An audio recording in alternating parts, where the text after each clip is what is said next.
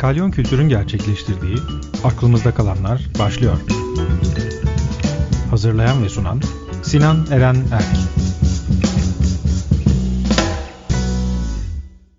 Herkese merhaba. Aklımızda kalanların yeni bölümüne hoş geldiniz. Bugün konuğumuz sanat tarihçisi ve yazar Nilgün Yüksel. Nilgün nasılsın?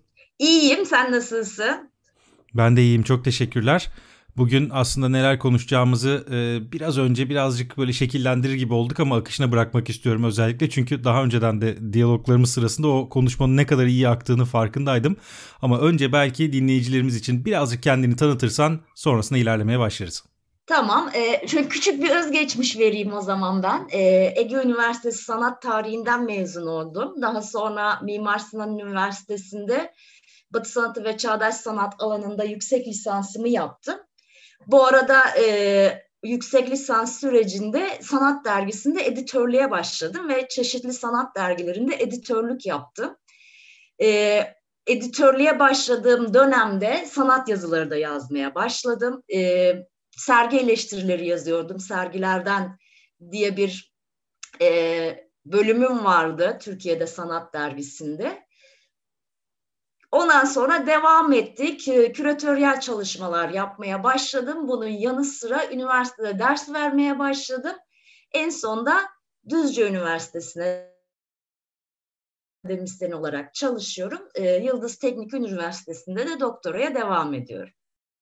Bunlar zaten yeteri kadar aslında yoğun bir program gösteriyor bize ama bunların da ötesinde aslında yaptığım birçok şey var. Benim de bildiğim ve şu an burada saymadığın. Ee, Onlardan da belki bir noktada bahsetmemiz gerekecek. Örneğin yayıncılık alanında da sanat yayıncılığı alanında da yaptığın şeyler var ve küratöryel faaliyetlerin üzerinde de yaptığın. Belki biraz daha irdelemek gereken konular var. Ben biraz öncesine döneceğim. Birkaç sene öncesine döneceğim. 2017'de Dünya Sanat Günü etkinlikleri kapsamında o dönem benim bir sergim vardı. Sonrasında hemen o serginin açılışından bir sonraki ya da iki sonraki günde de senin bir sergin vardı. Evet. Ve biz o serginin öncesinde Ayka Türkiye ile de beraber e, birlikte bir konuşma planlamıştık. Hı hı. ve çağdaş sanat ve popüler kültür üzerinden bir okuma yapmıştık. Yeşim Özsoy, Rafet Aslan ve Lütfiye Bozdağ vardı bu konuşmada. Hı hı. Ee, sonrasında da sergi senin serginin açılışına gitmiştik o sergileri yani bunun gibi olan sergileri ve o konuşmaları planlarken çünkü bu tarz şeyleri daha önceden yapıyorsun. Nasıl bir pratik benimsiyorsun? Bunu niye soruyorum? Çünkü daha sonrasında biraz işin e, sanat tarihçiliği üzerinden nasıl Hı-hı. okunduğuna getirmek istiyorum da o yüzden. Tamam. Şimdi aslında e, bu konuşmaları planlarken e, daha önceki konuşmalarımda sergi konuşmaları üzerinden gitmişti mesela. Ona bağlı e, bir konu belirliyorduk. Bu senin e, söylediğin etkinlikte biraz daha farklı oldu. Bu popüler kültürün çok fazla öne çıkarılması ile ilgili bir meseleydi konuşma. Onun üzerinden bir plan yapalım dedik. Tabii biraz da hani, Dünya Sanat Günü gibi bir etkinlikte de hem onu daha böyle tanıtmak anlamında böyle bir konuşmanın ilgi çekici olacağını düşünmüştük bunu hazırlarken. Ee, Sergiye gelince o sergi sanat tasarım üzerinden bir çalışmaydı. Açıkçası birazcık benim e, düşündüğüm, üstüne kafa yorduğum bir meseleydi. Zaten benim sergilerim genellikle öyle çıkıyor. Bu iki alanın e, çok fazla artık birbiriyle iç içe girmesi, kaynaşması, bazen böyle neredeyse kafamızı karıştırması üzerine düşünüyordum. Bunu çok uzun süredir düşünüyordum ama bu e, şey İstanbul Tasarım Bienali benim için bir dönüm noktası oldu. Çünkü Tasarım Bienalini gezerken, özellikle ilkini gezerken ben bunu bir sanat bienalinde de görebilirdim dediğim işler çıktı karşıma. Ve e, aslında o iki alanın nasıl birbirini beslediği, hatta birbirinin için kendi kafa karışıklığımız üzerinden aslında bir meseleyi ortaya koymak istedim ve sergide de e, tasarım ve sanat yapıtlarını bir arada sergileyip e, özellikle de hangisi tasarım, hangisi sanat olarak üretilmiş bunu belirtmedim. Ve izleyicinin birazcık benim yaşadığım kafa karışıklığını yaşamasını istedim açıkçası orada. Birinci tasarım bienali süresinde o dönem e, benim tez danışmanım olan e, Maurizio Bortolotti ile beraber ya onun küratörlüğünü yaptığı bir iş vardı ve o iş üzerine konuşurken de biz bunları biraz dillendiriyorduk aslında kendi içimizde. Yani bunun neresi artık tasarım, neresi sanat bunlar birbirinin içinde mi yoksa ayrılabilir durumda mı diye. Tabii bunun arkasında zanaat ve sanat arasındaki o ayrım ya da ayrım mı artık değil mi birbirine mi karışmış bütün bu e, süreç de var. Peki o sergiden sonra bugüne kadar gel- geldiğimiz o süreçte neler değişti? Yani bugün neredeyiz sence? Çünkü o savaş sonrası e, dan sonra savaş sonrası dedim 2. Dünya Savaşı sonrasındaki durumda yavaş yavaş o birbirinin içine girmeye başlayan ve artık interdisipliner dediğimiz alanlar oluşmaya başladı. E, 2017'de yaptığın sergide bir noktada bunun referansıydı. Evet. Hangisi sanat hangisi tasarım bunu söylemeyen bir durumdu. Peki 2020'ye geldiğimiz zaman bu 3 sene içinde ne değişti ya da bir şey değişti mi sence? Çok bir şey değişti mi açıkçası birazcık orada benim de kafam karışık. Önce bir referanslardan ben e, başlamak istiyorum. Aslında İkinci Dünya Savaşı sonrası değil biraz öncesine gidiyorum ben referansları alırken. Özellikle Bauhaus ekolü ben derslerimde de anlatırım okulu. Konstrüktivizmden söz ediyorum. İşte bir Hollanda ekolünden söz ediyorum. Burada zaten özellikle Bauhaus'la beraber o zanat sanat zanaat sanat kavramının nasıl iç içe geçtiğini ve nasıl birbirini beslediğini görüyoruz biz. Bir şey konmuş ortaya. Daha sonra nasıl bugün gidip dönüp dönüp Dada'ya referans veriyorsak birçok çalışmaya bakarken daha sonra aslında o kurulan bir temel üzerinden ilerleyen bir sistem var. Buraya geldiğimizde geçen gün e, başka arkadaşlarla da konuşuyorduk bunu. Ben birazcık e, bir e, uzun süredir bir aynılaşma süreci görüyorum zaten. Hani e, bu tasarım biyeneline gidip aslında sanki bir sanat biyeneli geziyormuşuz hissi e, daha sonra devam etmeye başladı ama şeyi gezerken ben Venedik Biyeneline de gittim. E, işte İstanbul Biyeneline gezdim. Bu arada tabii ki sergiler geziyoruz ve kafamda şu dönmeye başladı açıkçası. Son dönemlerde artık biz bir aynılaşma mı yaşıyoruz? Yani o birbirinin içine giren disiplinler arası meseleyi irdeledik, bir yerlere getirdik. Şimdi bir tekrara mı düşmeye başladık gibi kaygılar yaşamaya başladım son dönem için. Bu çok normal. Ben de e, yani çok iyi anlıyorum. Çünkü benzer bir süreci ben de belki kendi kafamda yaşamaya başladım ama bunda acaba pandeminin etkisi var mı? Yani biz eve kapandığımız ve artık sergileri fiziksel olarak gezmekten uzaklaştığımız için de böyle bir noktaya geliyor olabilir miyiz? Ee, aslında şöyle diyeyim, bu, bu, ben böyle bir noktaya biraz daha önce gelmiştim. Ee, bayağı bir onun e, kendi için aslında şöyle bir şey yani e, Biennale'nin şimdi ilk dönemlerini düşündüğünüz zaman tarihsel olarak baktığınız zaman sadece İstanbul Biennale üzerinden bakalım. Ne kadar e, aykırı bir çıkış o dönemki sergileri de gözünüzün önüne getirdiğinizde çok başka bir şey sunuyor değil mi Biennale ve uzunca bir sürede böyle bir şey sundu. Yani alternatif olanı getirdi bizim karşımıza. Biraz daha prodüksiyon işleri getirdi. E, bir şey yoktu zaten. E, bir müze kavramı yoktu Türkiye'de. Çok büyük sergilemeler kavramı yoktu. O yüzden çok başka bir yerde duruyordu o çok büyük etkinlikler. Ama yavaş yavaş biz bir müzeye gittiğimizde ya da işte bir galeriye gittiğimizde benzer çalışmalarla karşılaşmaya başladık aslında süreç içinde. O zaman Bienal gibi bir alana gittiğimizde aslında temel olarak e, fazlasıyla içindeysek gördüğümüz işlere yakın işler görmeye başladık. E, o anlamda belki bir tekrar mı acaba duygusu yaşıyoruz ister istemez. E, acaba işte küratörler, tanımlar, e, bu kavramlar belli yerlerde mi dönmeye başladı? Bu sorgulamalar ister istemez yapılıyor ki yapmamız gerekiyor geliştirebilmek için kendimizi. Ama şu da var ki bu süreç özellikle bu pandemi süreci ve e, hayatın dijitalleşmesi bambaşka bir alanda etkiledi bizi. E, ben girip sergilere baktım hatta işte müzelerde böyle o eserin içine kadar giriyorsunuz. Çıplak gözle Hı-hı. göremeyeceğiniz ayrıntılara kadar girebiliyorsunuz. Bu bir yandan çok keyifli geldi ama bir yandan da hala o mekanın içinde duygusunu vermiyor o. O, o sanallık duygusundan bir türlü kurtulamıyoruz. Belki bu bizim dönemimizle ilgili bir şey çünkü biz çok alıştık mekanla beraber deneyimlemeye. Burada bir şöyle bir sorgum var benim. Bu buna katılıyorum. Çoğunlukla katılıyorum. Ama bir taraftan da şunu soruyorum kendi kendime. Çünkü yani sorduğum şeyin de nedenini önce söyleyeyim. Bir süredir özellikle sinema üzerinden ve eğlence sektörü üzerinden yaratılan anlık bir hezeyana, anlık bir e, heyecana ya da meraka iten bir tüketim alışkanlığı var. Yani bu ne demek? Bir sergiye gittiğinizde ya da bir filmi izlediğinizde o an bundan çok büyük keyif alıyorsunuz. Fakat bu çok uçucu bir şekilde bir an sonra aklınızdan çıkabiliyor. Hı hı. Bu yeni tüketim e, alışkanlıklarından bir tanesi gibi.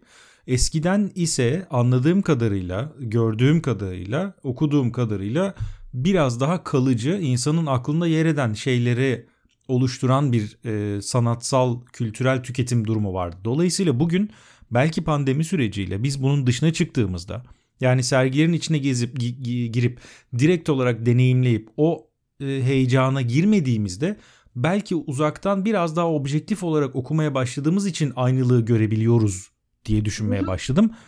Ama bundan da çok emin değilim açıkçası. Tabii bizim için çok yeni aslında bu. Ee, evet dijital bir dünyada yaşıyorduk ama birdenbire e, bir sistem geldi. Evlerinize çekilin ve artık sadece buradayız. Bir dayatma var tabii ki burada kaçınılmaz olarak. Kabulleniyoruz, kabullenmek durumundayız e, kendimizi korumak için böyle bir şeyi. Böyle çok yönlü e, tarafları var gibi geliyor. Bir kere ulaşılabilir olması benim hoşuma giden bir şey. Yani böyle bir şey olmasaydı birçok insan o müzelerdeki o eserleri e, ciddi çaba harcamak durumunda kalacaktı ve belki de hiçbir zaman olanakları e, e, el vermeyecekti böyle bir şeye. Bu anlamda çok olumlu. Ama diğer taraftan senin dediğin gibi tüketime bakınca e, şimdi bir 15-20 sene önce bir sinemaya gitmek bir ritüeldi aslında ya da bir tiyatroya gitmek bir ritüeldi. Arkadaşlarınla toplanırsın, gidersin ya da sergi gezersin. O etkinliğin çıkışında işte bir yerde oturur bir şey içersin, kahve içersin ve onun üzerine konuşursun. Bu da bir yandan çok geliştiren bir şey aslında. Yani çok başka akılları da dinliyoruz. Sadece oradaki deneyimi, sanatsal deneyimi yaşamıyoruz biz. Çıkışta da bambaşka şeyler dinliyoruz. Ve bu aslında o iletişim, biraz da geliştiren iletişimlerden bugün işte handikap olan kısmı biz bunların hepsini tek başıma başımıza yapmak zorundayız. Ve evet yani e, dışarıdan bir uyarı uyaran olmadığı için bir süre sonra da o aynılaşma duygusunu kaçınılmaz olarak yaşıyoruz biz. Burada çok güzel bir şey değindin aslında. Yani biz e, sergileri gezerken online ortamda daha fazla imkana sahibiz fakat bunun yarattığı deneyimde her zaman aynı olmuyor. Peki hı hı. bu eğitim tarafında nasıl oluyor? Yani sen bunu hem e, üniversitede hem de aynı zamanda kendi özel olarak verdiğin derslerde deneyimleyebiliyorsun ve geçmişle kıyaslayabiliyorsun. Böyle baktığında nasıl bir farklılık var? Ee, Orada da işte hani ulaşılabilir olması güzel e, ama deneyim anlamında eksik e, benzer şeylerden söz edeceğim. Üniversite ortamında açıkçası bizi zorlayan bir şey oldu bu özellikle lisans. Çünkü bir lisans öğrencisi alması gereken e, derse geliyor ve her zaman dikkatini aynı şekilde tutamıyor. Sınıfta bile aynı şekilde tutamıyor öğrenci dikkatini dijital bir ortam olduğunda çok daha kolay kopabiliyor e, oradan. E, bizim için de ne geçerli? Biz şimdi farklı sınıflara dersler veriyoruz. Ben sınıfta olduğum zaman öğrencimin yüzüne baktığımda onun neyi ne kadar algıladığını, e, o anlattığım şeyle ilgili ne kadar heyecan duyduğunu hissedebiliyorum. Bazen e, dersin yönünü de değiştirebiliyorum sınıfın içindeyken. Biraz daha onları katabilmek adına. Dijital sistemde böyle bir şansım yok çünkü ben öğrenciyle yüz yüze gelmiyorum burada ve onun ne hissettiğini algılayamıyorum açıkçası. biraz böyle e, zaman zaman duvara konuşuyormuş gibi bir his e, özellikle üniversite derslerinde. Özel derslerde biraz daha farklı tabii ki. O, orada da olumlu tarafı var. Çünkü o, o derslere ilgi duyan insanlar geliyor. Zaten işleri var. O İstanbul e, katılımcıların çoğu İstanbul'dan. O şehrin keşmekeşinde belki yüz yüze olsa yetişemeyeceği, kaçıracağı e, etkinliklere yetişmiş oluyor. O yüzden öyle gruplarla yaptığım derslerde ben daha çok verim alıyorum. E, daha böyle karşılıklı konuşan, tartışan bir sisteme dönüşebiliyor. Doktora derslerimizi e, öyle yapıyoruz. Özellikle Rıfat, Rıfat Şahinir Hoca ile yaptığımız bir ders var mesela bu dönem e, dijitalden. Benim için çok çok keyifli bir ders oldu e, ve çok da e, mesela yüz yüze olması arasında bir fark yaratmadı. Hatta böyle zaman zaman şunu düşündüğüm bile oldu. Tartıştığımız bir mesele var. Benim o meseleyi kendi başıma düşünüp araştırıp açmam için bana zaman bile kazandırdı böyle bir şey. Böyle çok yönlü bir şey ama e, üniversite eğitimi özellikle lisans eğitimi anlamında düşünürsek e, çok büyük verim aldığımızı söyleyemeyeceğim ben dijital eğitimden. Bu tarafta aslında üniversite öğrencileri üzerinden bir e, sorum olacak. O da şu. Biz lisede ya da lise eğitiminde aslında araştırmanın nasıl yapılabileceğini, bilgiye nasıl ulaşabileceğimizi öğrenerek mezun oluyormuşuz gibi e, hı hı. düşünüyoruz. Ya da en azından öyle olması gerektiğini ben inanıyorum üniversite öğrencisinin artık o araştırmayı yapma yöntemini bilen ve bunun üzerine e, eğitmeniyle beraber gideceği yolda daha rahat ilerleyebilen bir karakterde olmasını tercih ediyorum kendi hayatımda ki ya da işte görüyorum ki bunu dışarıda e, insanlar daha rahat ilerleyebilsinler. Dolayısıyla burada dijitalin aslında çok büyük bir avantaj yaratması gerekiyordu. Çünkü elinizin altında araştırma ile ilgili bütün e, alet edevatınız var aslında. Bütün materyaliniz, kaynağınız var. Ama üniversite öğrencilerinde ben bunu kimle konuşursam online dersler üzerinden kimle konuşsam konuşayım aynı şeyi duyuyorum. Üniversite öğrencilerinde bu verimin alınamadığını özel derslerde çoğunlukla daha iyi bir sonuç evet. alındığını duyuyorum. Bu biraz galiba öğrenmeye istekli olmak ya da araştırma yöntemine hazırlıklı olmakla ilgili. Üniversite öğrencilerinde böyle bir eksik mi var? Kesinlikle, kesinlikle üniversite öğrencilerinde böyle bir eksik var. Ee, aslında e, sistemde böyle bir eksik var. Demek ki e, liseden böyle bir hazırlıkla gelmiyor öğrenci üniversiteye. Ve çok temel araştırma yöntemleriyle ilgili e, bilgi. O, onun üzerine çalışmak zorunda kalıyoruz.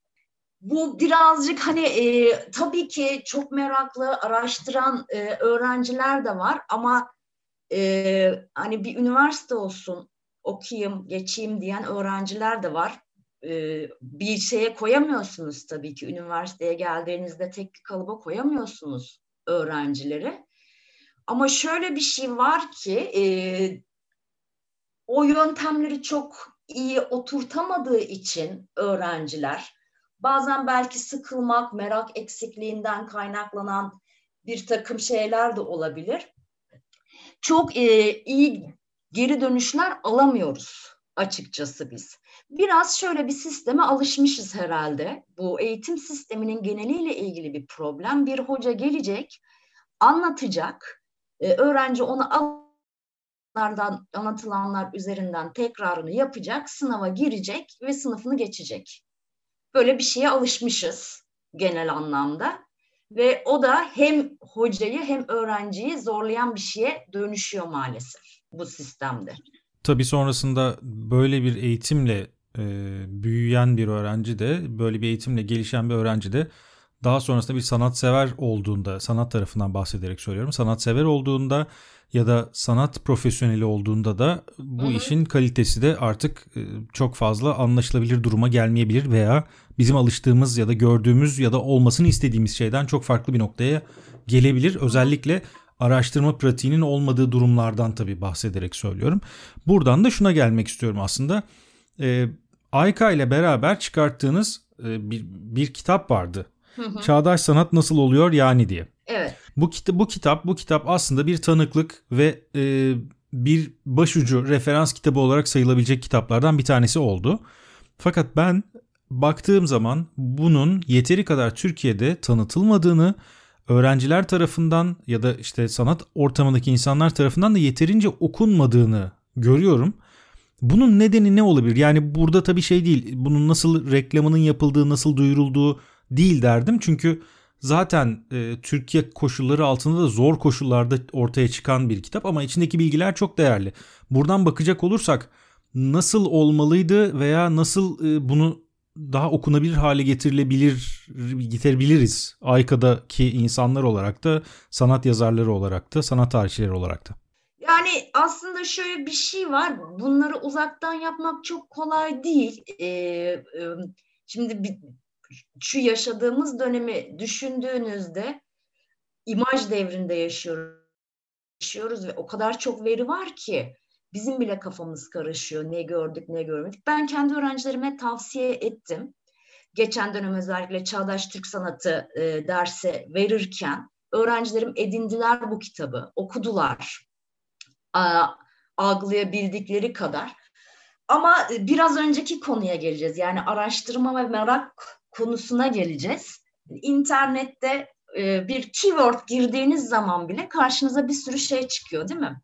Kitap çıkıyor, araştırma kaynağı çıkıyor. Nereye bakacağınızı bildiğiniz zaman çok kolay ulaşabiliyorsunuz. E, bizim belki yapmamız gereken şeyler vardı. İşte ne yapabilirdik? Ancak sosyal medya üzerinden biraz daha fazla tanıtımını yapabilirdik.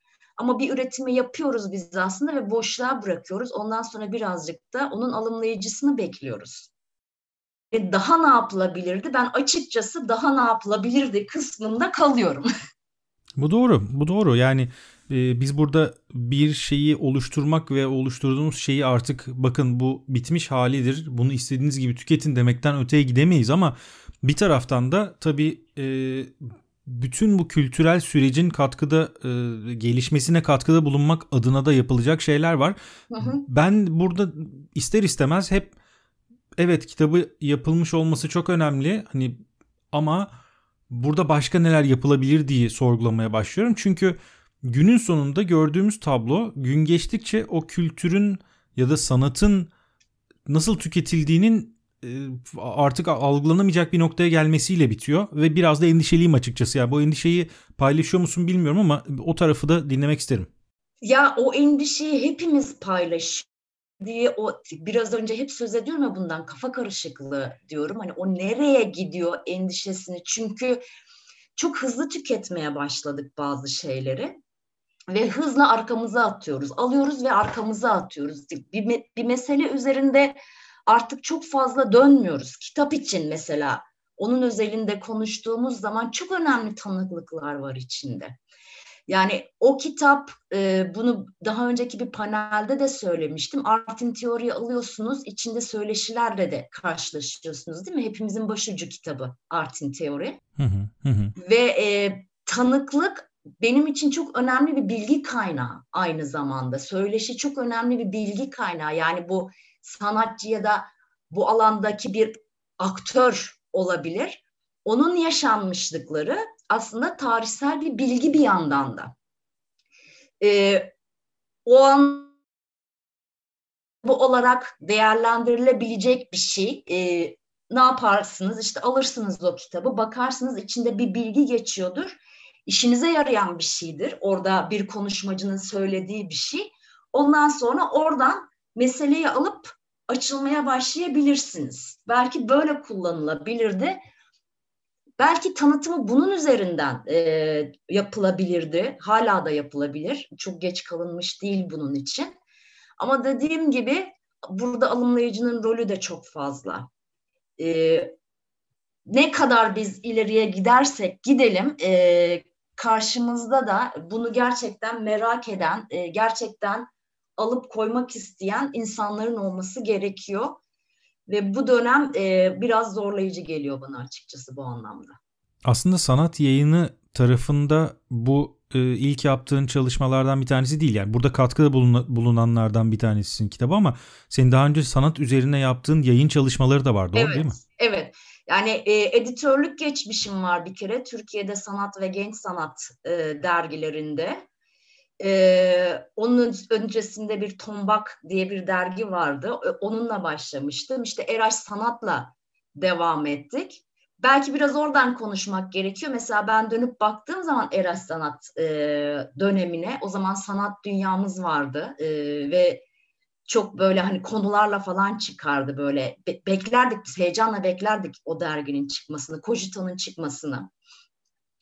Ee, daha çok böyle e, belli meselelere kafa yorduğumuzu e, hatırlıyorum ben o dönemde. Daha böyle içinde tabii ki sergi tanıtımları e, olacaktı, haberler olacaktı. E, en azından ben editoryal çalışmalarda böyle konuları da koyardım ki okuma bütünlüğü biraz hani ağır bir konu okuduktan sonra biraz daha böyle nefes alıp başka bir konuya geçebilsin diye öyle bir e, düzenleme yapardım dergide.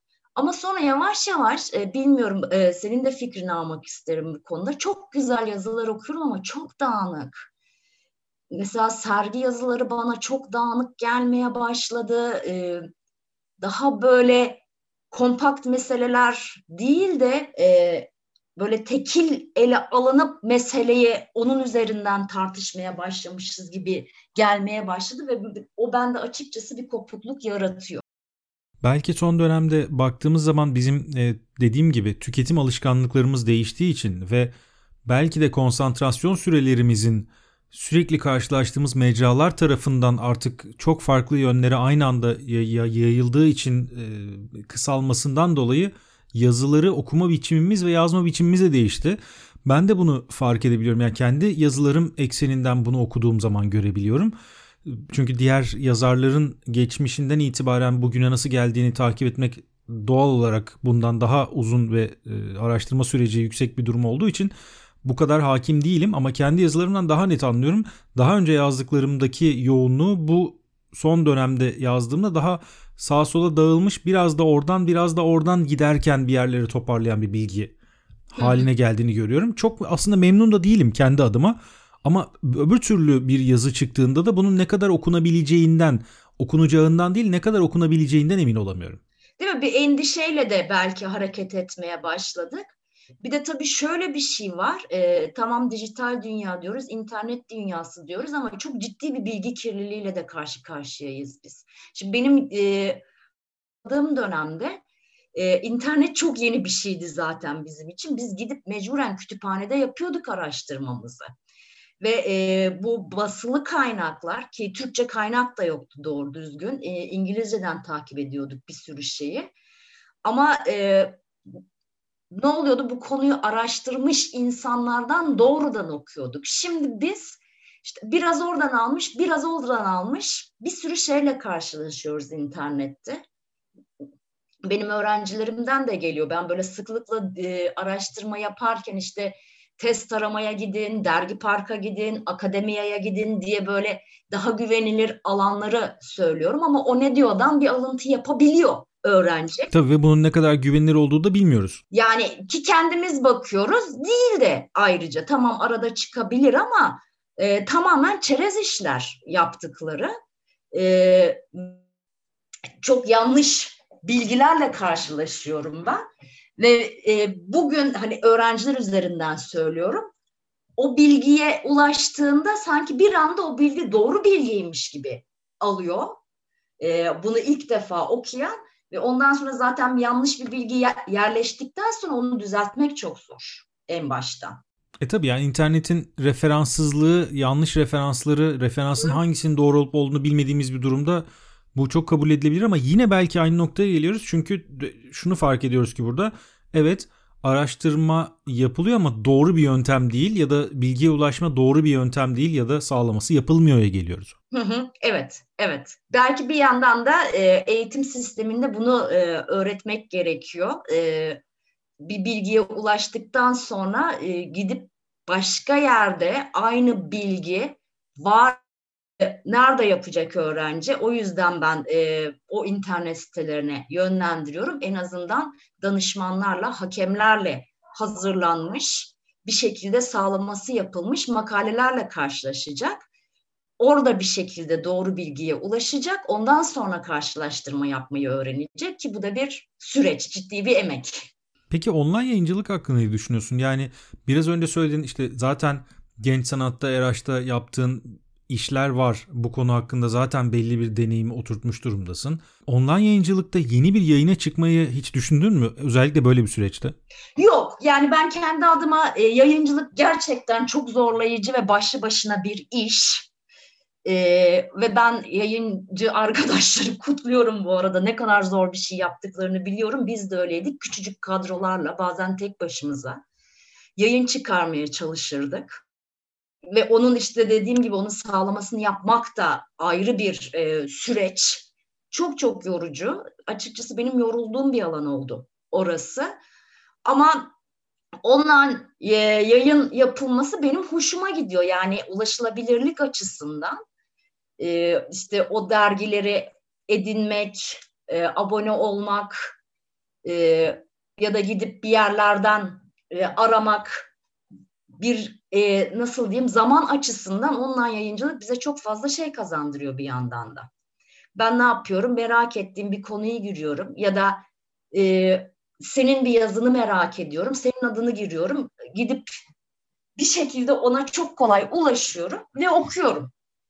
E, o yüzden güzel bir şey. Zaten kaçınılmaz olarak online'a ka- kaydı artık işler. E, mekan olarak da bizim öyle bir e, maddi birikimi e, saklayacağımız yer olmayabiliyor zaman zaman. E, dijital üzerinden gitmesi herhalde en çok yayıncılık konusunda beni mutlu ediyor. Doğru ben de çoğunlukla hep dijital üzerinden bir şeyler ulaştığım için her ne kadar o kitapları fiziksel olarak okumayı sevsem de ve hatta gözümüz içinde çoğunlukla bu çok daha iyi olsa da ben dijital e, mecralardan bir şeyler okumayı araştırma yaparken de onlardan faydalanmayı daha çok benimsemiş durumdayım. Belki alıştığım bir şey bu. Şimdi yavaş yavaş programın sonuna geliyoruz. Son olarak şunu da sormak istiyorum. Yine biraz küratörlük meselesine dönerek Türkiye'de son dönemde belki son 4 senede 5 senede bakıldığında yaratıcı küratörlük adına neler var, değişimler var mı? Biz dünyaya sence yeteri kadar ayak uydurabiliyor muyuz yoksa hala mı çok gerisindeyiz? Ve bundan sonra özellikle dijital mecraların da biraz daha ön plana çıkmasıyla sence küratörlükte bu tarafa doğru bir gelişme olur mu ya da olursa bu fiziksel sergileri nasıl e, etkileyecektir gibi böyle biraz yoğun bir soru oldu. e, fiziksel sergileri nasıl etkileyecek? Yani insanız e, ve ihtiyaçlarımız var bizim. E, ancak işte hani bu yaşadığımız dönem gibi biraz aksar ama sonuçta bunu özleyeceğiz. Biz gideceğiz ve o fiziksel mekanda e, o yapıtları deneyimlemeyi özleyeceğiz açıkçası. E, belki bu konuştuğumuz gibi evet bir yandan elimize kitabı almak, o dergiyi almak ve okumak istiyoruz. Ben o e, işte ilk elime geldiği zaman o dergi kağıdın kokusuna da bakarım.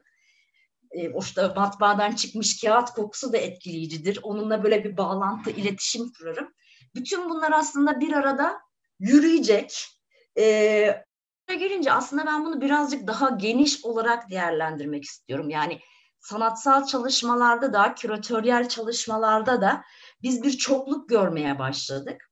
Ee, yani bunu hep düşünüyorum ben üniversiteye giderken hiç böyle küratörlük gibi bir şey geçmiyordu aklımdan. Çünkü gerçekten çok safça ama benim için Türkiye'de iki tane küratör vardı. Biri Beral Madra'ydı, diğeri Vasıf Kortun'du. Sanki sadece onlar yaparmış gibi bu işi.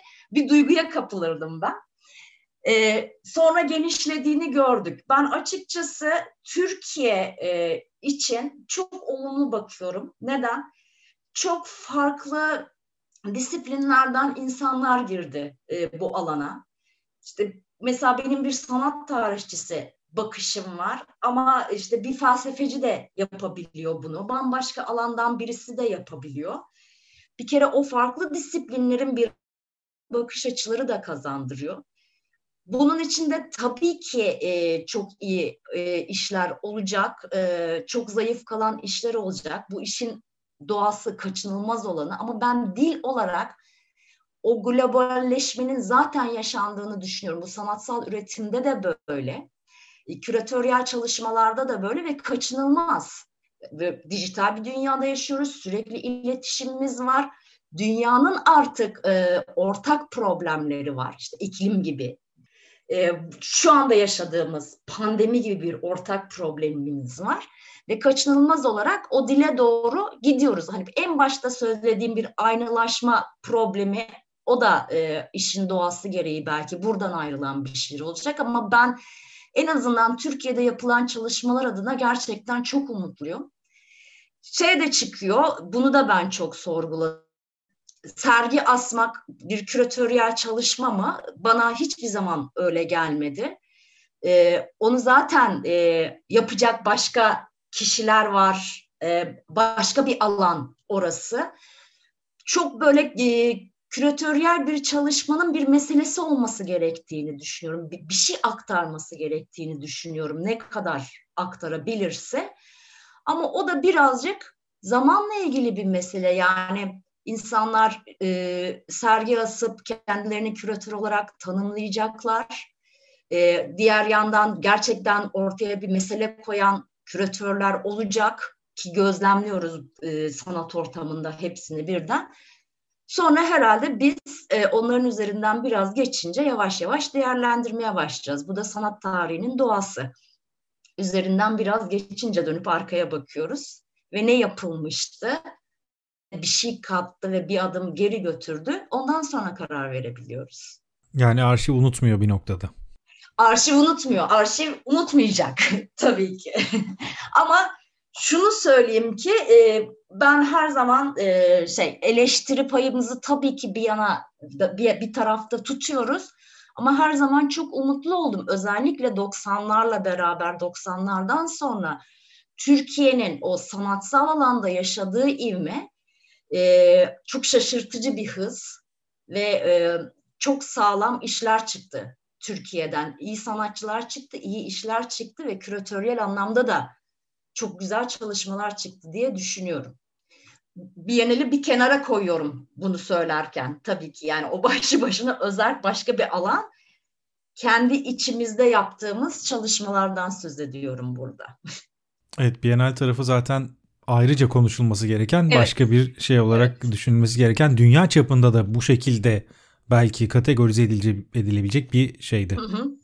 Nilgün çok teşekkürler. Çok güzel bir konuşma oldu. Ben teşekkür ederim. Aslında yine bugün birazcık gevezeliği de uzatmış olduk ama iyi bir gevezelik. Benim sevdiğim türden bir gevezelik. Biraz konudan konuya da atladık ama belli ki e, burada çok konuşulacak, açılacak bir sürü parantez var. Belki bunları da zamanla daha sonrasında başka konuşmalarda, başka yerlerde, belki yeni programlarda açabiliriz diye ümit ediyorum. Ben de çok teşekkür ederim davetin için ayrıca. Bana da çok iyi geldi. Böylece aklımızda kalanların bir programının daha sonuna geldik. Gelecek programda tabii ki gelecek yıl oluyor bu. Yeniden buluşmak ve yeni bir konukla, yeni bir konuyla yeniden e, konuşmak üzere. Herkese mutlu yıllar ve görüşmek üzere.